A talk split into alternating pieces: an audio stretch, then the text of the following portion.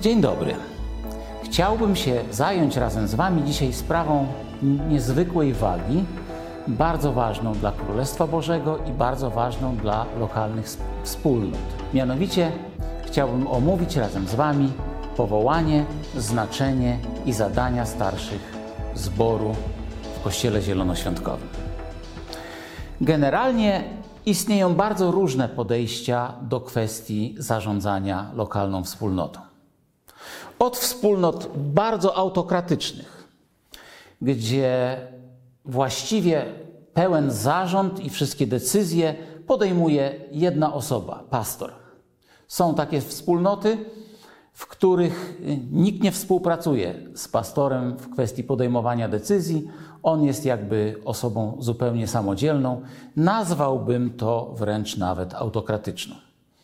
Istnieją też wspólnoty, kościoły lokalne, i to wynika z ich statutów czy prawa wewnętrznego, gdzie zarząd nad lokalnym kościołem sprawuje Rada Starszych. To gremium, ta grupa osób podejmuje kolegialne decyzje. Nie ma tam osoby, która miałaby większy wpływ na decyzję, nie ma jasno określonego przywódcy, może są różne role, natomiast y, nie ma jasno określonego y, człowieka, który sprawowałby rolę przywódczą. Kościół Zielonoświątkowy. A mówiąc Kościół Zielonoświątkowy, mam na myśli, że to nie jest moja koncepcja, bądź koncepcja jakiejkolwiek innej osoby, subiektywna koncepcja, ale mówię w tej chwili o Kościele Zielonoświątkowym i w imieniu Kościoła Zielonoświątkowego. A więc Kościół Zielonoświątkowy wybrał drogę pośrednią. Mianowicie w Kościele Zielonoświątkowym uważamy, że osobą przeznaczoną do roli przywódczej jest pastor. Pastor jest odpowiedzialny przed Kościołem, przed lokalną wspólnotą, przed Bogiem za zarządzanie zborem, za wizję tego zboru, ale jednocześnie Kościół Zielonoświątkowy mówi, że każdy pastor powinien mieć starszych zboru, z którymi ściśle współpracuje, z którymi razem podejmuje decyzje i którzy są jego doradcami, pomocnikami i współbraćmi zarządzającymi daną wspólnotą. I chciałbym nieco więcej o roli starszych, nie pastora dzisiaj, ale o roli starszych y, powiedzieć Wam w tym rozważaniu. Pozwólcie jednak, że zacznę od innej rzeczy bardzo istotnej. Y, może nawet nie, nie musiałbym w trakcie tego wykładu o tym mówić, ale chcę chcę o tym wspomnieć. Mianowicie Słowo Boże powiada w Dziejach Apostolskich, pierwszym rozdziale, ósmym wierszu, Weźmiecie moc Ducha Świętego, kiedy stąpi na was i będziecie mi świadkami w Jerozolimie i w całej Judei i w Samarii i aż po krańce ziemi. W służbie, także w służbie zarządzania lokalną wspólnotą, lokalnym kościołem, niezwykle istotne jest to, że oczekujemy na działanie Ducha Świętego w życiu wszystkich ludzi, którzy podejmują się zadania zarządzania tą wspólnotą. Przywódcy ponad wszystko inne potrzebują być kierowani przez Ducha Świętego. Nasze dary, talenty, wszystko co czynimy, wszystko co możemy czynić, nasze namaszczenie, nasza mądrość życiowa, wszystkie nasze zdobycze nie mają żadnego znaczenia, jeśli nie kieruje nami Duch Święty. I pozwólcie, że przejdę dalej, ponieważ, yy, ponieważ yy, ten element jest dobrze znany, dobrze rozumiany, więc chciałbym pójść dalej i powiedzieć o kolejnych rzeczach. Drugim niezwykle ważnym elementem służby w Bożym Królestwie jest to, że wszyscy jesteśmy przeznaczeni do usługiwania. Zadanie budowania Bożego Królestwa to nasze wspólne zadanie. Nie wierzymy w to, że do tego zadania jest przeznaczony pastor i starsi zboru i ewentualnie jakaś grupka liderów. W żadnym wypadku. Do budowania Królestwa Bożego przeznaczony jest każdy wierzący. Dlatego też Pan Bóg dał nam różne talenty i różne dary. Ale żeby o tym powiedzieć i uzasadnić to Bożym Słowem, 1 Piotra Drugi rozdział, piąty wiersz powiada: I wy sami, jako kamienie żywe, budujcie się w dom duchowy, w kapłaństwo święte, aby składać duchowe ofiary przyjemne Bogu przez Jezusa Chrystusa. Każdy z nas jest takim żywym kamieniem. Budujemy te budowle. Brak Ciebie, brak Twojego miejsca być może będzie nie do zastąpienia. Potrzebujesz się zaangażować w budowanie Królestwa Bożego, potrzebujesz się zaangażować w dzieło Boże bez względu na to, do czego Cię Bóg powołuje. I oczywiście powiem tutaj tak: nie każdego Bóg powołuje do zarządzania zborem. Powiem wręcz, niewielki procent osób przeznaczonych jest do zarządzania zborem. I mimo, że jako członkowie naszej wspólnoty podejmujemy różne decyzje wspólnie, to prawda jest taka, że nie wszyscy jesteśmy przeznaczeni do zarządzania wspólnotą, do podejmowania decyzji, odpowiedzialnych decyzji, czasem bardzo trudnych decyzji. Tutaj potrzebne jest Boże powołanie i też ten element dojrzałości i mądrości, który musi tkwić w poszczególnych ludziach.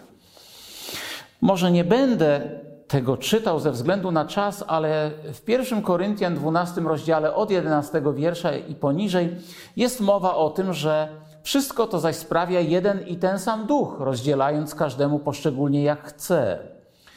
I tam jest mowa o tym, że ucho nie może powiedzieć: Nie jestem okiem, nie należy do ciała. Czy dlatego nie należy do ciała? Nie, nie możemy tak powiedzieć. Więc są ludzie w Królestwie Bożym, którzy są przeznaczeni do bycia pastorami, są osoby przeznaczone do bycia starszym zboru, natomiast musimy jasno powiedzieć, że nie wszyscy zostali do tego dzieła powołani. I co to znaczy? To znaczy, że i tak jesteś dzieckiem Bożym, jesteś umiłowanym dzieckiem Bożym. Bóg Cię kocha ponad wszystko. Od po prostu na krótko, na tej ziemi, Bóg wyznacza Ci inne zadanie, albo ewentualnie nie daje Ci pewnych zadań, dopóki nie y, dojrzejesz, zmądrzejesz, dopóki nie nabierzesz pewnych y, życiowych doświadczeń, i wtedy Bóg będzie mógł Ci powierzyć jakieś służby. Więc rodzaj sprawowanej przez nas służby nie określa nas, że jesteśmy lepsi albo gorsi. Jesteśmy wszyscy dziećmi bożymi. Do, co do statutu, co do statusu, przepraszam, y, jesteśmy bardzo wywyższeni. Natomiast zadania różne nam Pan Bóg przeznacza. Dlatego moją prośbą, moją serdeczną prośbą jest to, żebyśmy wszyscy starali się rozpoznać, do czego nas Bóg powołuje, w czym możemy być użyteczni, co możemy dać lokalnej wspólnocie. Prawda jest też taka, że z wdzięcznością podchodzę do każdej służby, która jest sprawowana w zborze. Tych służb jest bez liku. Tych służb jest bardzo dużo. I nawet jeśli Twoja służba nie polega na tym, że jesteś przeznaczony, przeznaczona do zarządzania wspólnotą albo do posiadania decydującego głosu o sprawach Twojego kościoła lokalnego, to nic złego się nie dzieje. Pan Bóg Cię bardzo kocha. Natomiast musimy pamiętać o tym, że to Bóg powołuje. To jest bardzo ważne. To Bóg wyposaża. To Bóg uzdalnia nas do wykonania zadania i to Bóg nas do tego zadania namaszcza. Więc nie bierzmy się za zadania, do których nas Bóg nie powołał. I odwrotnie. Usilnie trzymajmy się zadań, do których jesteśmy powołani do mojego zadania, do mojej służby, do mojego namaszczenia, do mojego obdarowania, do moich talentów, do tego, do czego Pan Jezus mnie wezwał. Musimy też powiedzieć, że w Królestwie Bożym istnieją różnice w odpowiedzialności. Zdolność do wykonywania pewnych zadań wymaga tego, byśmy mieli podwójną łaskę: łaskę u Boga i łaskę u ludzi do których nasza służba jest skierowana. Ewangelia Łukasza, drugi rozdział, 52 wiersz mówi o Panu Jezusie. Jezusowi zaś przybywało mądrości i wzrostu oraz łaski u Boga i u ludzi. Proszę zwróćcie uwagę, że nawet Pan Jezus potrzebował wzrostu, rozwoju w czterech sferach swojego życia. Po pierwsze, potrzebował nawet on rozwoju w sferze mądrości. Musiało mu przybywać mądrości. Nie będę się teraz zajmował, w czym, w jaki sposób tej mądrości przybywało, ale przybywało mu mądrości. Rósł jako człowiek fizycznie. A potem jest mowa o tym, że przybywało mu łaski u Boga i u ludzi. U Boga miał łaskę. Ale prawda jest też taka, że nasza służba, która w imieniu Boga jest skierowana do ludzi, to jest służba, w której nie wystarczy tylko łaska u Boga, ale by ta służba była właściwie przyjęta. Potrzebna jest łaska i u ludzi. Potrzebna jest akceptacja u ludzi. Dlatego też w Piśmie Świętym i nie tylko w Piśmie Świętym, również w, naszych, w naszym prawie wewnętrznym jest mowa o tym, że wybieramy, że pastor albo starsi zboru, co do których rozpoznajemy, że mają Boże powołanie, muszą też być zaakceptowani przez ludzi. Ta akceptacja u ludzi jest równie ważna, jak i akceptacja u Boga. Nic dziwnego, że w dziejach apostolskich w 14 rozdziale 23 wierszu widzimy Pawła i tam jest taki bardzo charakterystyczny werset. Z ich udziałem, czyli z udziałem Pawła i jego towarzyszy, y, wybrali im po kościołach starszych. W modlitwie połączonej z postami polecili ich Panu, któremu zaufali. Wybrali. Jest tam użyte słowo greckie heirotoneo, co się odnosi do pewnej formy głosowania. Heiro toneo, prawdopodobnie z podniesieniem rąk. To oznacza, że ci starsi zboru, ci starsi, którzy zarządzali wspólnotą, mieli łaskę u Boga. Polecili ich Panu, któremu zaufali, ale też musieli mieć łaskę u ludzi. Ci ludzie potrzebowali ich wybrać do zadania, do którego byli przeznaczeni. Wybór osób, które mają sprawować służbę w pozycji autorytetu i zaufania społecznego, wymaga w sposób oczywisty przychylności grupy, przychylności ludzi. Y, co oznacza ta łaska u ludzi? Chciałbym wymienić kilka rzeczy, żeby przybliżyć, co to może oznaczać. Po pierwsze, prawdopodobnie to oznacza przychylność ludzi. Więc ludzie przychylnie patrzą na tego człowieka, który ubiega się o pozycję autorytetu bycia starszym zboru. Po drugie, musi to oznaczać zaufanie, jakim tego człowieka darzą. Bo jeśli nie mają do niego zaufania, jego służba spełznie na niczym. Co znaczy dalej łaska od ludzi? Łaska od ludzi z pewnością oznacza docenienie dotychczasowej postawy, dotychczasowych osiągnięć, dotychczasowych owoców wiary tego człowieka. Innymi słowy, starszym zboru nie zostaje ktoś, kto pojawia się z przysłowiowego księżyca, nic o nim nie wiemy, nie znamy, nigdy nie słyszeliśmy, nagle jest starszym zboru, sprawuje e, funkcję autorytetu. Nie. Najpierw go doceniamy, najpierw widzimy, najpierw oglądamy go. Dalej doceniamy dary i talenty, które do tej pory były zauważalne w życiu tego człowieka, w jego zaangażowaniu na rzecz wspólnoty. Dalej doceniamy jakość relacji z Kościołem. Aby mieć łaskę od ludzi, ludzie muszą docenić jakość relacji, jaką dana osoba ma z lokalnym kościołem. Innymi słowy, musi być wzorem. Nie może być kimś, kto byle jak postępuje, nie stara się, a ludzie mimo wszystko mu ufają. To byłaby brudna polityka kościelna. Natomiast kiedy zostaje się starszym zboru, to trzeba oczekiwać, że ten ktoś jest wzorem postępowania. Kolejna rzecz, która oznacza łaskę od ludzi, to jest stwierdzenie przydatności do służby. Zbór w jakiś sposób stwierdza, czy ten człowiek jest przydatny do tej służby, czy może nadaje się do innej służby. I kiedy się nadaje do innej służby, a nie nadaje się na starszego zboru, to źle o tym człowieku nie świadczy. ponieważ najprawdopodobniej jest za tym Boże powołanie i Boże postanowienie.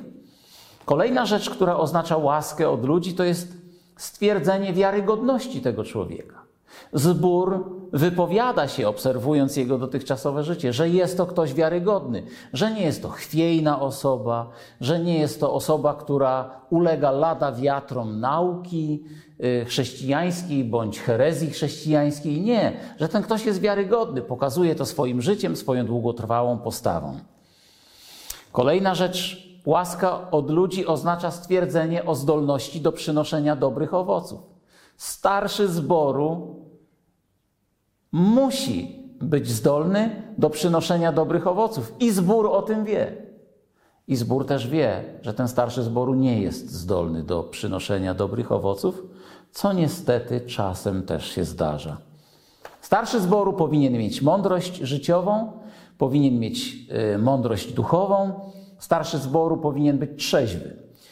I nie mam tutaj na myśli trzeźwości od yy, alkoholu, mam na myśli trzeźwość myślenia, trzeźwość w ocenie sytuacji, trzeźwość w zdolności do podejmowania wartościowych decyzji.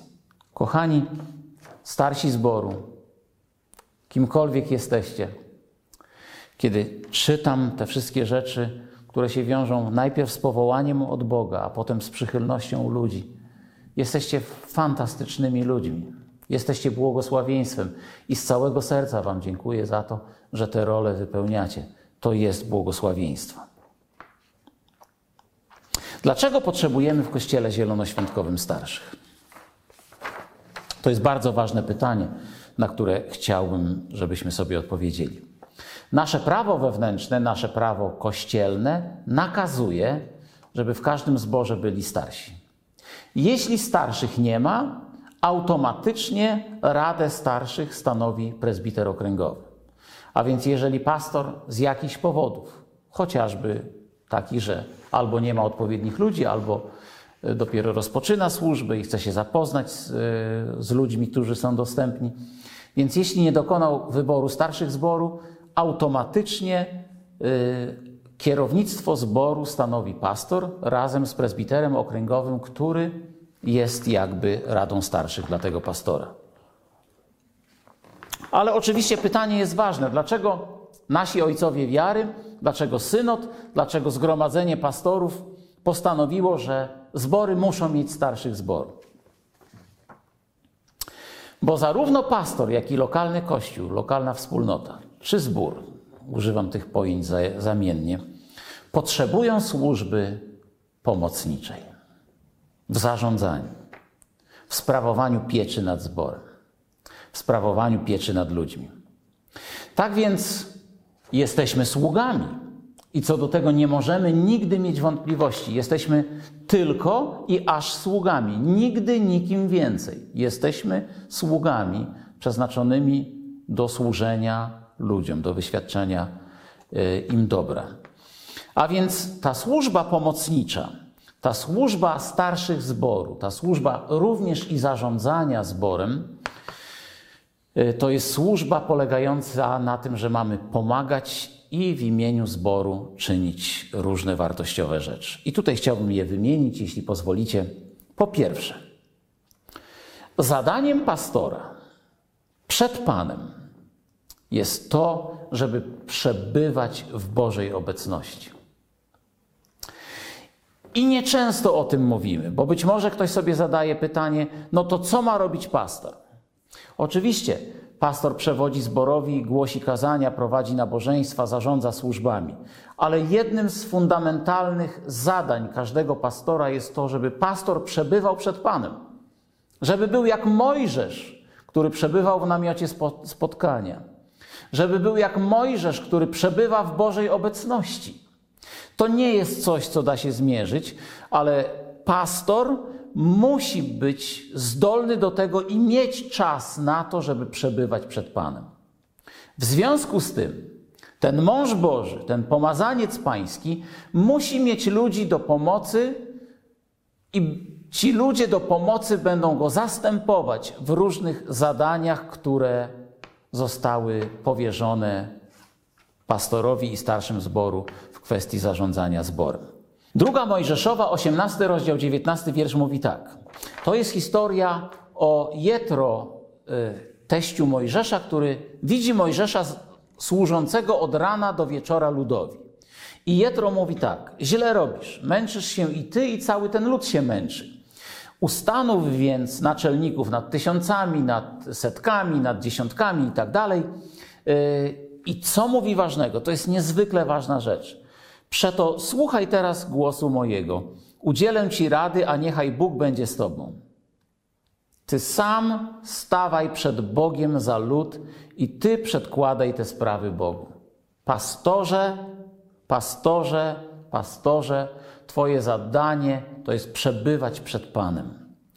Po to są starsi zboru, żeby przynieśli Ci ulgę w wielu zadaniach, byś Ty, drogi pastorze, mógł przebywać przed obliczem Bożym. I myślę, że to jest jedno z pierwszych i najważniejszych zadań, jakie mamy w służbie lokalnego kościoła. Pastor, pomazaniec pański szuka Boga, modli się, pyta o wizję, pyta Boga o Jego wolę, a w tym czasie starsi wspierają Go, wypełniają różne zadania, aby pastor mógł mieć czas na przebywanie w Bożej obecności. Kościół Zielonoświątkowy mówi, że wizja należy do pastora. Wizja należy do pastora, ale starsi zboru razem z pastorem pracują nad tą wizją. Czasem to jest tak, że pastor mówi: Idziemy w tym kierunku, ale wtedy starsi zboru, być może jako ludzie mający dojrzałość, pomysły, talenty, mogą mówić: Dobrze, to idziemy w tym kierunku, ale zróbmy to tak i tak. I wtedy zaczynają rozmawiać o szczegółach. Można tę wizję rozwijać razem z pastorem szczegółowo, ale pamiętajcie, kochani, i to mówi Kościół Zielonoświątkowy przy powołaniu starszych zboru, wizja należy do pastora.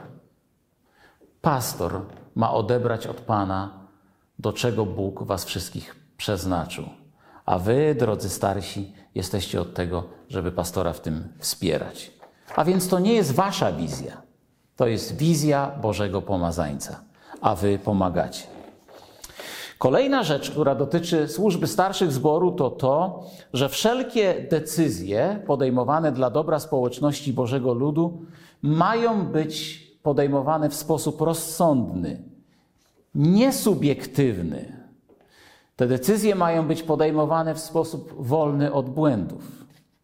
Przy powieści Salomona, 11 rozdział 14 wiersz mówią: Gdy nie ma umiejętnego kierownictwa, naród upada Lecz gdzie jest wielu doradców, tam jest bezpieczeństwo.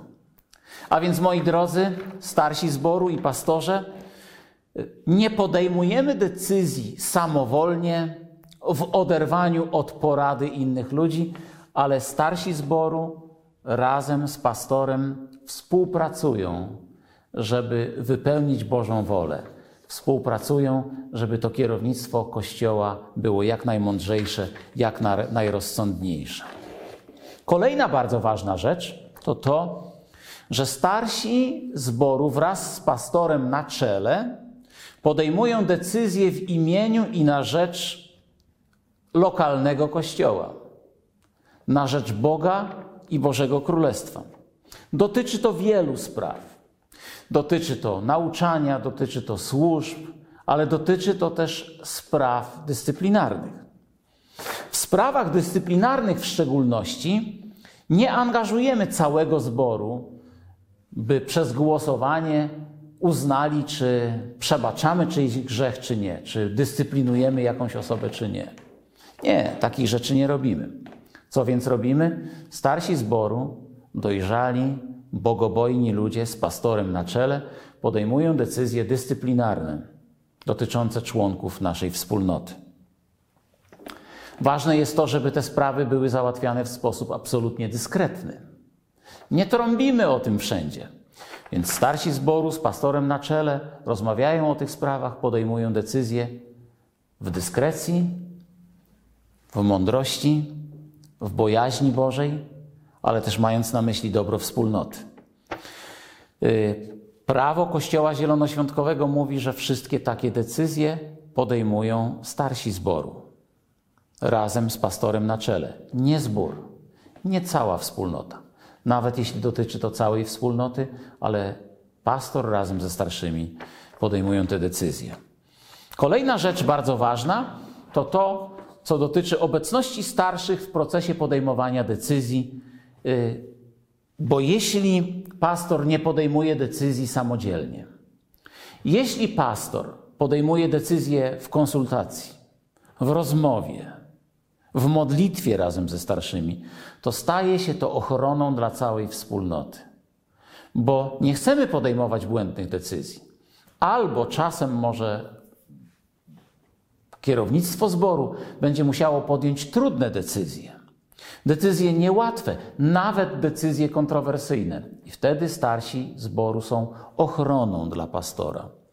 Ich udział w procesie decyzyjnym staje się dla pastora ochroną, czyli on nie robił tego sam. Decyzja została podjęta kolegialnie, y, w bojaźni pańskiej. I jeśli jest nawet jakieś niezadowolenie, to starsi zboru chronią pastora, by mógł swobodnie wykonywać swoje zadania, szukać Pana i głosić Boże Słowo. Pastor i starsi zboru albo starsi zboru z pastorem na czele e, stanowią ochronę dla zboru i jego członków przed różnymi duchowymi i nie tylko duchowymi zagrożeniami. To jest zadanie pastora, który ma swoich starszych zboru, żeby chronili zbór przed złem. Mogą to być herezje, mogą to być źli pracownicy, mogą to być pewne zagrożenia prawne, zagrożenia E, administracyjne. E, starsi zboru też e, podejmują różne decyzje dotyczące umów wiążących prawnie i ich zadanie polega na tym, żeby to było dobrze zrobione i żeby nigdy nie stanowiło żadnego zagrożenia dla zboru. Kolejna rzecz jest taka, że pastor ma w starszych stosowne wsparcie. Nie powinien być w służbie osamotniony. Nawet jeśli to on jest wybranym przez Boga człowiekiem do przywództwa. Uważamy, Kościół Zielonoświątkowy uważa, że starsi są przez Boga posłani, przez Boga posłani, by wspierać, pomagać pastorowi w postawionych przez Boga zadaniach. Ich pomoc jest wielowymiarowa, duchowa, społecznościowa, organizacyjna, prawna, doradcza, a w końcu oznacza wspólne niesienie ciężarów, żeby tych ciężarów, tych brzemion nie niósł pastor sam, ale oni razem z nim niosą te brzemiona. Słowem klucz jest tutaj słowo pomoc. Starsi zboru są niczym lewici w Starym Testamencie, którzy mieli być sługami przybytku. Księga Liczb, trzeci rozdział, piąty do siódmego wiersza mówi: Wówczas Pan przemówił do Mojżesza tymi słowy: Sprowadź plemię Lewiego, postaw je przed obliczem kapłana Arona i przekaż mu je do usług. Niech wspierają go w jego zadaniach i spełniają powinności całego zgromadzenia względem namiotu spotkania, niech służą w przybytku. Wydaje mi się, że ten werset, ten obraz znakomicie oddaje zadanie i rolę starszych zboru.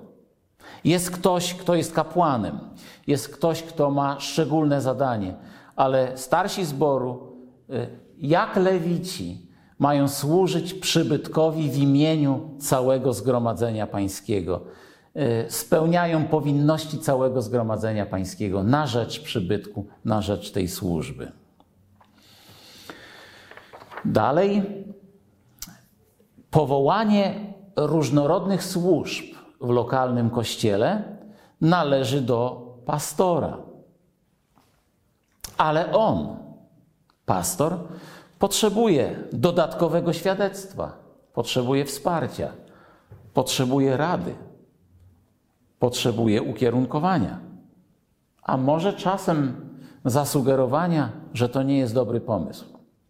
Więc prawo Kościoła Zielonoświątkowego mówi, to pastor o tym decyduje, ale starsi powinni być w to zaangażowani, by być pomocą albo chociażby ochroną. Kolejna rzecz, o której chciałbym powiedzieć, starsi zboru są powołani do tego, żeby troszczyć się o pastora w sprawach materialnych. Jeśli pastor jest utrzymywany przez zbór, to zadaniem starszych zboru jest to, żeby dawać mu godziwą zapłatę, hojną zapłatę. Zadaniem starszych zboru, żeby z zasobów, które są w zborze, troszczyć się o jego przywileje socjalne, takie jak choćby jego przyszła emerytura. Człowiek poświęca swoje życie zborowi i powinien też mieć pewność, że ten zbór nie będzie najgorszym pracodawcą na świecie dla niego. Wobec tego to wy, starsi zboru, troszczycie się o pastora finansowo. Macie się troszczyć z hojnością, z miłością. Macie dawać to, co najlepsze, nie w duchu skąpstwa, troszcząc się także o jego przyszłość. No i oczywiście kolejna rzecz, y, i to jest ostatnia, pewnie można byłoby znaleźć inne rzeczy, ale to jest ostatnia z tych wypisanych przeze mnie. Starsi zboru są przeznaczeni i powołani do tego, żeby wypełniać specyficzne, konkretne zadania na prośbę pastora. Jak widzicie, zadanie starszych zboru jest przepiękne. To jest piękna, wartościowa, błogosławiona służba. Oni są powołani, by spełniać szlachetną rolę w kościele. Więc chwalimy ich za to, błogosławimy i prosimy Pana, żeby tę służbę wypełniali w sposób jak najbardziej szlachetny. Ale chciałbym też powiedzieć o służbie starszych zboru jakby z odwrotnej perspektywy. Czym nie jest ich służba i na co powinni również zwrócić uwagę? Kiedy jesteś starszym zboru i jesteś w Radzie Starszych, to Twoje zadanie nie może polegać na wchodzeniu w rolę przywódcy nie może polegać na wchodzeniu w rolę pastora. Jesteś kimś, kto ma wspierać, kimś, kto ma być jemu pomocą i ochroną, ale nie masz prawa wchodzić w rolę pastora. To nie jest Twoje powołanie i to nie jest Twoje zadanie w Królestwie Bożym. Kolejna rzecz, o której chciałbym powiedzieć, a niestety się z tym spotykałem. Starsi zboru nie są powołani do tego, żeby wchodzić w rolę instancji nadzorującej synod Kościoła, wyrażać aprobatę bądź brak aprobaty wobec uchwał Naczelnej Rady Kościoła bądź synodu. To nie jest wasze zadanie. Wasze zadanie polega na tym, że czuwacie nad lokalną wspólnotą. I spotykałem się z tym, że kiedy starszym zboru nie podobała się jakaś uchwała synodu, bo akurat nie było to zgodne z ich poglądami, yy, zaczynali protestować albo wchodzić w rolę, do której nie zostali powołani. Kochani, nie wchodźcie te role, bo tam was Pan nie będzie błogosławił. Nie jesteście powołani do oceny synodu albo starszych zboru, albo, przepraszam, Naczelnej Rady Kościoła. Kolejna rzecz, o której chciałbym powiedzieć i musimy to bardzo jasno powiedzieć, jeśli jesteś starszym zboru, nie jesteś powołany do tego, by podejmować decyzje na przekór pastorowi. Decyzje w braku jedności z pastorem, z przywódcą tej lokalnej wspólnoty. Nie rób tego. Nie rób tego. Nie wychylaj się. Y, jeśli sprawa nie dotyczy grzechu, Y, nie jesteś od tego, żeby dyscyplinować pastora albo forsować swój punkt widzenia. Z tego też powodu, o tym będzie mowa w następnym wykładzie prezbitera Wojciecha Trybka, kiedy będzie omawiał prawo wewnętrzne Kościoła Zielonoświątkowego, uchwaliliśmy że pastor, który się nie zgadza z decyzją starszych zboru, może się każdorazowo odwołać do prezbitera okręgowego i to prezbiter okręgowy zdecyduje, czy ta uchwała starszych zboru będzie przestrzegana, czy nie. A więc bardzo Was proszę, to jest niebezpieczny moment, moment, w którym widziałem wiele zborów w zagrożeniu, kiedy starsi zboru wchodzili rolę, w rolę pastora, przywódców. Pamiętajcie, wy jesteście tylko od pomocy i odpracowania y, razem z pastorem. Dobrze, przejdźmy do kolejnego punktu. Nazwałem to umocowanie służby starszego. Żebyśmy dobrze zrozumieli, pastor jest umocowany w potrójny sposób. Po pierwsze, pastor y, jest powołany przez Boga, po drugie, pastor jest powołany przez Naczelną Radę Kościoła, po trzecie, pastor jest powołany przez zbór. Widzimy więc obecność trojakiego powołania. I myślę, że jeśli w przypadku pastora jeden z tych fundamentów się wali, to znaczy, że niemożliwą jest już rzeczą, żeby wypełnić swoje powołanie. Jeśli traci zaufanie zboru, nie da się już wypełniać tej służby. Jeśli traci zaufanie Naczelnej Rady Kościoła, nie da się już wypełnić swojego powołania. Cóż dopiero, kiedy utraci zaufanie Boga. Ale nawet w przypadku, kiedy utraci zaufanie zboru bądź Naczelnej Rady Kościoła, jego służba się po prostu kończy. Jego służba będzie y, już zagrożona. Ten swoisty sznur dotyczy też starszych zboru. Jak są powołani starszych zboru, starsi zboru? Oczywiście, po pierwsze, przez Boga, i to jest oczywiste, za chwilę o tym więcej powiem. Po drugie, starszy zboru jest powołany przez pastora. Musi mieć zaufanie pastora. Pastor go proponuje na urząd starszego zboru. Więc to jest drugi fundament jego powołania. Trzeci fundament powołania to jest powołanie członków zboru. Aby skutecznie swoją służbę sprawować, starszy zboru musi mieć trzy fundamenty naraz. Jeśli jeden z tych fundamentów się wali, wali się i jego służba. Nie może już wypełnić swojego zadania. A więc, jeśli utraci zaufanie choćby jednego z tych fundamentów, ludzi nie będą go chcieli słuchać, nie będą poważnie chcieli traktować tego, co mówi, bo mają jakieś zastrzeżenia. Jego rola się skończyła. Jeśli przestaje istnieć między starszym a pastorem chemia, nie dogadują się, nie współpracują harmonijnie, to jest to sytuacja, która zagraża zborowi. I służba starszego w takiej sytuacji się kończy. Cóż dopiero, kiedy Bóg przestaje mu ufać. Podkreślam, starszy zboru ma trojakie powołanie i ono zawsze musi być obecne w jego życiu. Yy, nie będę rozwijał myśli, w jaki sposób potwierdzać to powołanie od Boga. Może to być coś nadprzyrodzonego bądź nie, ale chciałbym zwrócić uwagę, że powołanie od Boga musi zawierać takie elementy jak oczywiście, że jest ten człowiek nawrócony, że ma swoje własne, prywatne życie modlitewne i trwa w Bożym Słowie. To nie jest tak, że ktoś jest mądry, y, ma pozycję społeczną, wobec tego nadaje się do jakiejś roli. Starszy zboru musi być człowiekiem, który się modli i czyta Słowo Boże dla swoich własnych potrzeb. Musi. Powiedziałbym, pielęgnuje swoją własną prywatność, yy, prywatną duchowość. To potwierdzenie powołania od Boga musi też polegać na tym, że jest to człowiek wiernie budujący Królestwo Boże. Chce służyć, to jest jego pragnieniem. Chce służyć Bogu, kocha Boga, kocha też ludzi.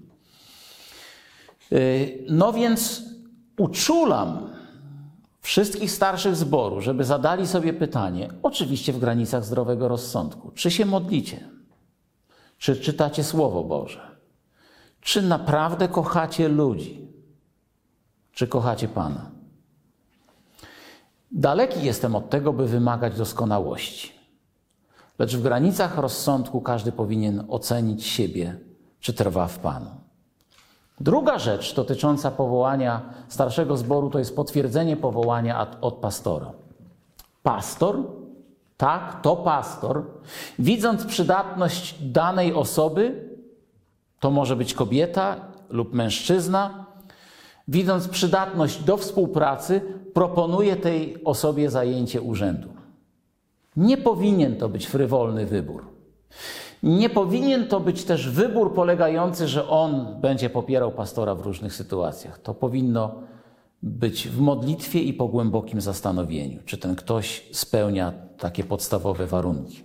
Pastor musi mieć przekonanie, że starszy zboru oprócz powołania od Boga ma zdolność w sobie do harmonijnej współpracy z pastorem.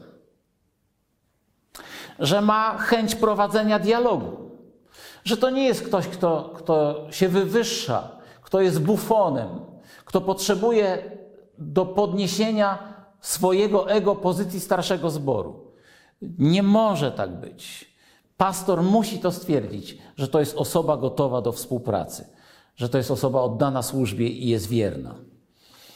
Y, przypominam, że ważnym elementem współpracy pastora i starszego zboru jest wzajemna relacja. Niektórzy nazywają to chemią, że ci ludzie chcą z sobą przebywać, że nie jest im przykro, kiedy z sobą przebywają, że się rozumieją, że lubią być może się razem modlić. To musi się opierać i na szczerości, i na zrozumieniu. Brak tej chemii, brak wzajemnego zrozumienia może być głębokim utrudnieniem i sugerowałbym, żeby w takiej sytuacji danego starszego zboru na urząd nie powoływać. Prawo wewnętrzne z tego powodu mówi, że pastor jest jedyną osobą powołaną do wysuwania kandydatur na starszych zboru. Nie może to być tak, że spotykają się członkowie zboru i uchwalają, że oni chcą mieć tego czy tamtego na starszego zboru. Nie. Pastor jest przywódcą zboru. I to pastor proponuje kandydatury i przedstawia je zborowi. Dalej mówimy o potwierdzeniu powołania od zboru. To jest ten trzeci fundament, który jest niezwykle istotny. Zbór decyduje poprzez głosowanie. Różnie to się może odbywać. Może się to odbywać przez aklamację, przez mm, podniesienie rąk, może się to odbywać w tajnym głosowaniu. Y, to już zbór musi decydować i my w autonomię w zboru nie wnikamy. Ale nie może to być głosowanie mechaniczne. To musi być poprzedzone modlitwą, zastanowieniem, myśleniem o tym, czy ten ktoś się nadaje. Ludzie, którzy wybierają, powinni być świadomi, że wybierają osobę, która się rzeczywiście przyda na tym urzędzie, bo w wielu sprawach powierzają im swój dobrostan, tym starszym zboru. Powierzają samych siebie, powierzają dobra materialne, duchowe, powierzają zadania, które muszą być wykonane, więc me mechaniczne głosowanie odpada. Powinno to być z zastanowieniem się. Ludzie muszą się czuć bezpiecznie z daną osobą jako starszym zboru, gdyż chodzi o troskę o Boży lud, w tym troskę duszpasterską. Ja też uczulałbym starszych y, pastora, żeby niekoniecznie dobierać sobie starszych zboru w postaci członków swojej rodziny. Rzeczywiście, być może się dobrze dogadasz z członkami swojej rodziny, ale smak pozostanie zły. Ludzie będą myśleli, no tak, cały zarząd jest w rękach jednej rodziny. Tak nie powinno być. Zarząd nad zborem powinien spoczywać w rękach gremium różnorodnego. Więc nie wykluczamy, że może być ktoś z rodziny starszym zboru i towarzyszyć pastorowi, ale sugerujemy, żeby robić to w sposób racjonalny i wówczas, żeby inne osoby też mogły swój urząd dobrze sprawować i być błogosławieństwem. Ludzie, którzy dokonują wyboru, muszą czuć, muszą wiedzieć, że ten starszy naprawdę swój kościół kocha. Że tych ludzi kocha. Że zrobi wszystko dla ich dobra, że się poświęci dla ich dobra. I w takim duchu w takim przekonaniu ludzie muszą wybierać starszych zboru. Wybierać kogoś, kto ich naprawdę kocha, kto dba o dobro tej społeczności. Jeszcze jedna rzecz, o której chciałbym wspomnieć. Kandydat na starszego zboru powinien być znany z szanowania ludzi. Ten szacunek należy ludziom okazywać w różnorodny sposób: uśmiechem, łagodnym językiem, szlachetnym postępowaniem, okazywaniem miłości, nieokazywaniem wyższości. Starszy zboru musi być znany z tego, że szanuje ludzi i okazuje im miłość, bo jeśli tego nie robi, jego zadanie się praktycznie rzecz biorąc skończyło. Jak możemy przygotować starszych do dzieła, y, do funkcji, do tego dzieła? Niestety starsi zboru, starsi w lokalnym kościele nie są przez Kościół przygotowywani do swojej roli. Pastor, aby objąć urząd, musi pokonać wiele szczebli weryfikacji kościelnej. W tym kilkukrotnie musi y, uzyskać rekomendacje innych duchownych, w tym prezbitera okręgowego, mieć przygotowanie teologiczne albo zdać egzamin kościelny, przejść pomyślnie okres próbny, w którym y, ktoś się przygląda jego służbie, udać się na rozmowę kwalifikacyjną z członkiem prezydium Naczelnej Rady Kościoła. A starsi nic nie muszą spełniać. I to jest pewien problem. Starszy zboru zazwyczaj nie musi się poddać żadnemu procesowi weryfikacji. Y, nie ma żadnego egzaminu, nie ma żadnego szkolenia, dlatego też postanowiliśmy, że zrobimy ten krótki wykład, czy te wykłady, żeby wyjaśnić rolę starszych. Mam nadzieję, że też dostrzegacie te dysproporcje między pastorem i jego weryfikacją i co musi spełnić pastor, zanim stanie się pastorem, a starszym zboru, który praktycznie rzecz biorąc nie musi przechodzić żadnej weryfikacji, oprócz tego, że pastor go zaproponuje i zbór wybierze. Dlatego uważamy, w Kościele Zielonoświątkowym, Kościół Zielonoświątkowy uważa, nie ja, ale Kościół Zielonoświątkowy uważa, że rola starszego zboru jest podjęciem zadań służebnych wobec pastora, nie zadań równorzędnych. Jeszcze raz powtórzę to, żeby było jasne.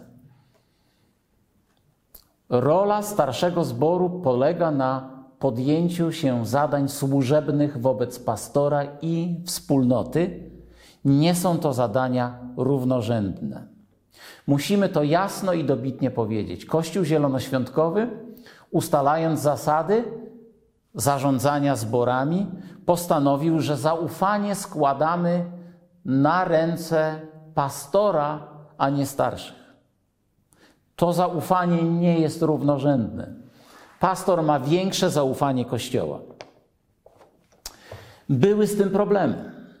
Niestety były z tym problemy, że niektórzy starsi rozumieli swoją rolę jako rolę równorzędną do roli pastora. Dlatego Kościół Zielonoświątkowy zdecydował, że starsi nie mogą przekraczać swoich kompetencji, dlatego ich wybór jest kadencyjny na, na kadencję pięcioletnią, na jakiś czas, żeby potem zweryfikować jeśli ktoś nie ma chemii z pastorem, nie służy ludziom, nie okazuje miłości, nie przykłada się w służbie, to po zakończeniu pięcioletniej kadencji kończy swoją służbę. Chyba, że pastor w werbalny sposób poprosi o przedłużenie tej kadencji. A co się dzieje, gdy pojawią się napięcia między pastorem a starszymi? Kościół zielonoświątkowy z założenia jeśli nie dotyczy to grzechu, ale innych sporów, z założenia wspiera pastorów, a nie starszych zborów. Czyli gdy brakuje chemii, gdy jest spór między pastorem a starszymi, gdy nie mogą się dogadać, przyjeżdża prezbiter okręgowy i mówi: y, My jednak wspieramy pastora. Jeśli wy się nie dogadujecie, no to może przyszła pora, żeby wybrać innych starszych zborów. Oczywiście, kiedy sytuacja dotyczy grzechu pastora albo upadku pastora, to, to jest to zupełnie inna sprawa, ale teraz ja mówię o pewnych napięciach. Mieliśmy różne sytuacje w naszym kościele, różne trudne sytuacje. Więc jednoznacznie mówimy starszym zboru: Wasze zadanie polega na wspieraniu pastora. A gdy ono przestaje mieć miejsce, gdy pojawia się spór, gdy pojawia się brak dobrej relacji, gdy brak harmonii i wzajemnego zaufania, kończy się wasza służba. Natomiast gdy w grę wchodzi grzech pastora lub inne nadużycia, wasze zadanie polega na zawiadomieniu prezbitera okręgowego, który ma obowiązek zająć się tą sprawą w imieniu Kościoła, zdyscyplinować pastora duchownego, czasem nawet usunąć z urzędu. Ale wasze zadanie kończy się w momencie zawiadomienia prezbitera okręgowego, a jeśli prezbiter okręgowy nic z tą sprawą nie robi, zawsze macie możliwość odwołania się do Naczelnej Rady Kościoła. A jednak chcemy jasno powiedzieć, że pastor bez starszych zboru jest osamotniony i znajduje się w trudnym położeniu. Kochani starsi zboru, pastor was potrzebuje. I bez was znajduje się i będzie się znajdował w trudnym położeniu. Łatwo mu bez was o upadek. Łatwo mu bez was o samowolę. Łatwo mu wówczas o brak zdrowego rozsądku przy podejmowaniu decyzji. On was bardzo potrzebuje. Dla niego jesteście bezpieczeństwem we wszystkim, co pastor czyni. Starsi są arcyważni dla równowagi między służbą pastoralną a służbą starszych, a służbą zboru w lokalnym kościele. Chcę Wam powiedzieć, że jestem niezwykle wdzięczny. Znam mnóstwo starszych zboru, którzy są naprawdę mężami bożymi. Znam też kobiety, które fenomenalnie wykonują swoją służbę starszej zboru. Dziękuję Wam za to. Jesteście potrzebni, jesteście błogosławieństwem. Bóg Was błogosławi. Pastor jest Wam wdzięczny, zbór jest Wam wdzięczny. Ja osobiście chcę wyrazić też moją wdzięczność. Sprawujcie swoją służbę w sposób szlachetny, w sposób błogosławiony. I dziękuję Wam za to, że to czynicie. To tyle mniej więcej ode mnie, moi drodzy. Troszeczkę czasu Wam zająłem. Dziękuję za Waszą cierpliwość. Y, natomiast chcę powiedzieć, że prezbiter Wojciech Trybek w następnym wykładzie razem z Wami przeczyta prawo wewnętrzne punkt po punkcie i omówi wszystkie zasady odnoszące się do starszych zboru. Już teraz na ten wykład zapraszam, a póki co chcę Was błogosławić. Korzystając z tej okazji, może jesteśmy na łączach yy, albo internetowych, albo gdzieś tam to nagranie odsłuchujecie z komputera. Pozwólcie, że podziękuję Bogu za Was i pomodlę się. Panie Jezu, chcę Ci podziękować dzisiaj za wszystkich starszych zborów. Dziękuję Ci za ich prawość, za ich charakter, za ich miłość do Jezusa, do ich miłość do Kościoła, za ich poświęcenie, za ich oddanie. Ja błogosławię ich teraz w imieniu Jezusa i proszę Cię, aby oni byli błogosławieni, by były błogosławione ich rodziny, ale też przede wszystkim by były błogosławione zbory, którym służą i pastorzy, którym służą. Niech imię Jezus w ich życiu będzie błogosławione. Amen.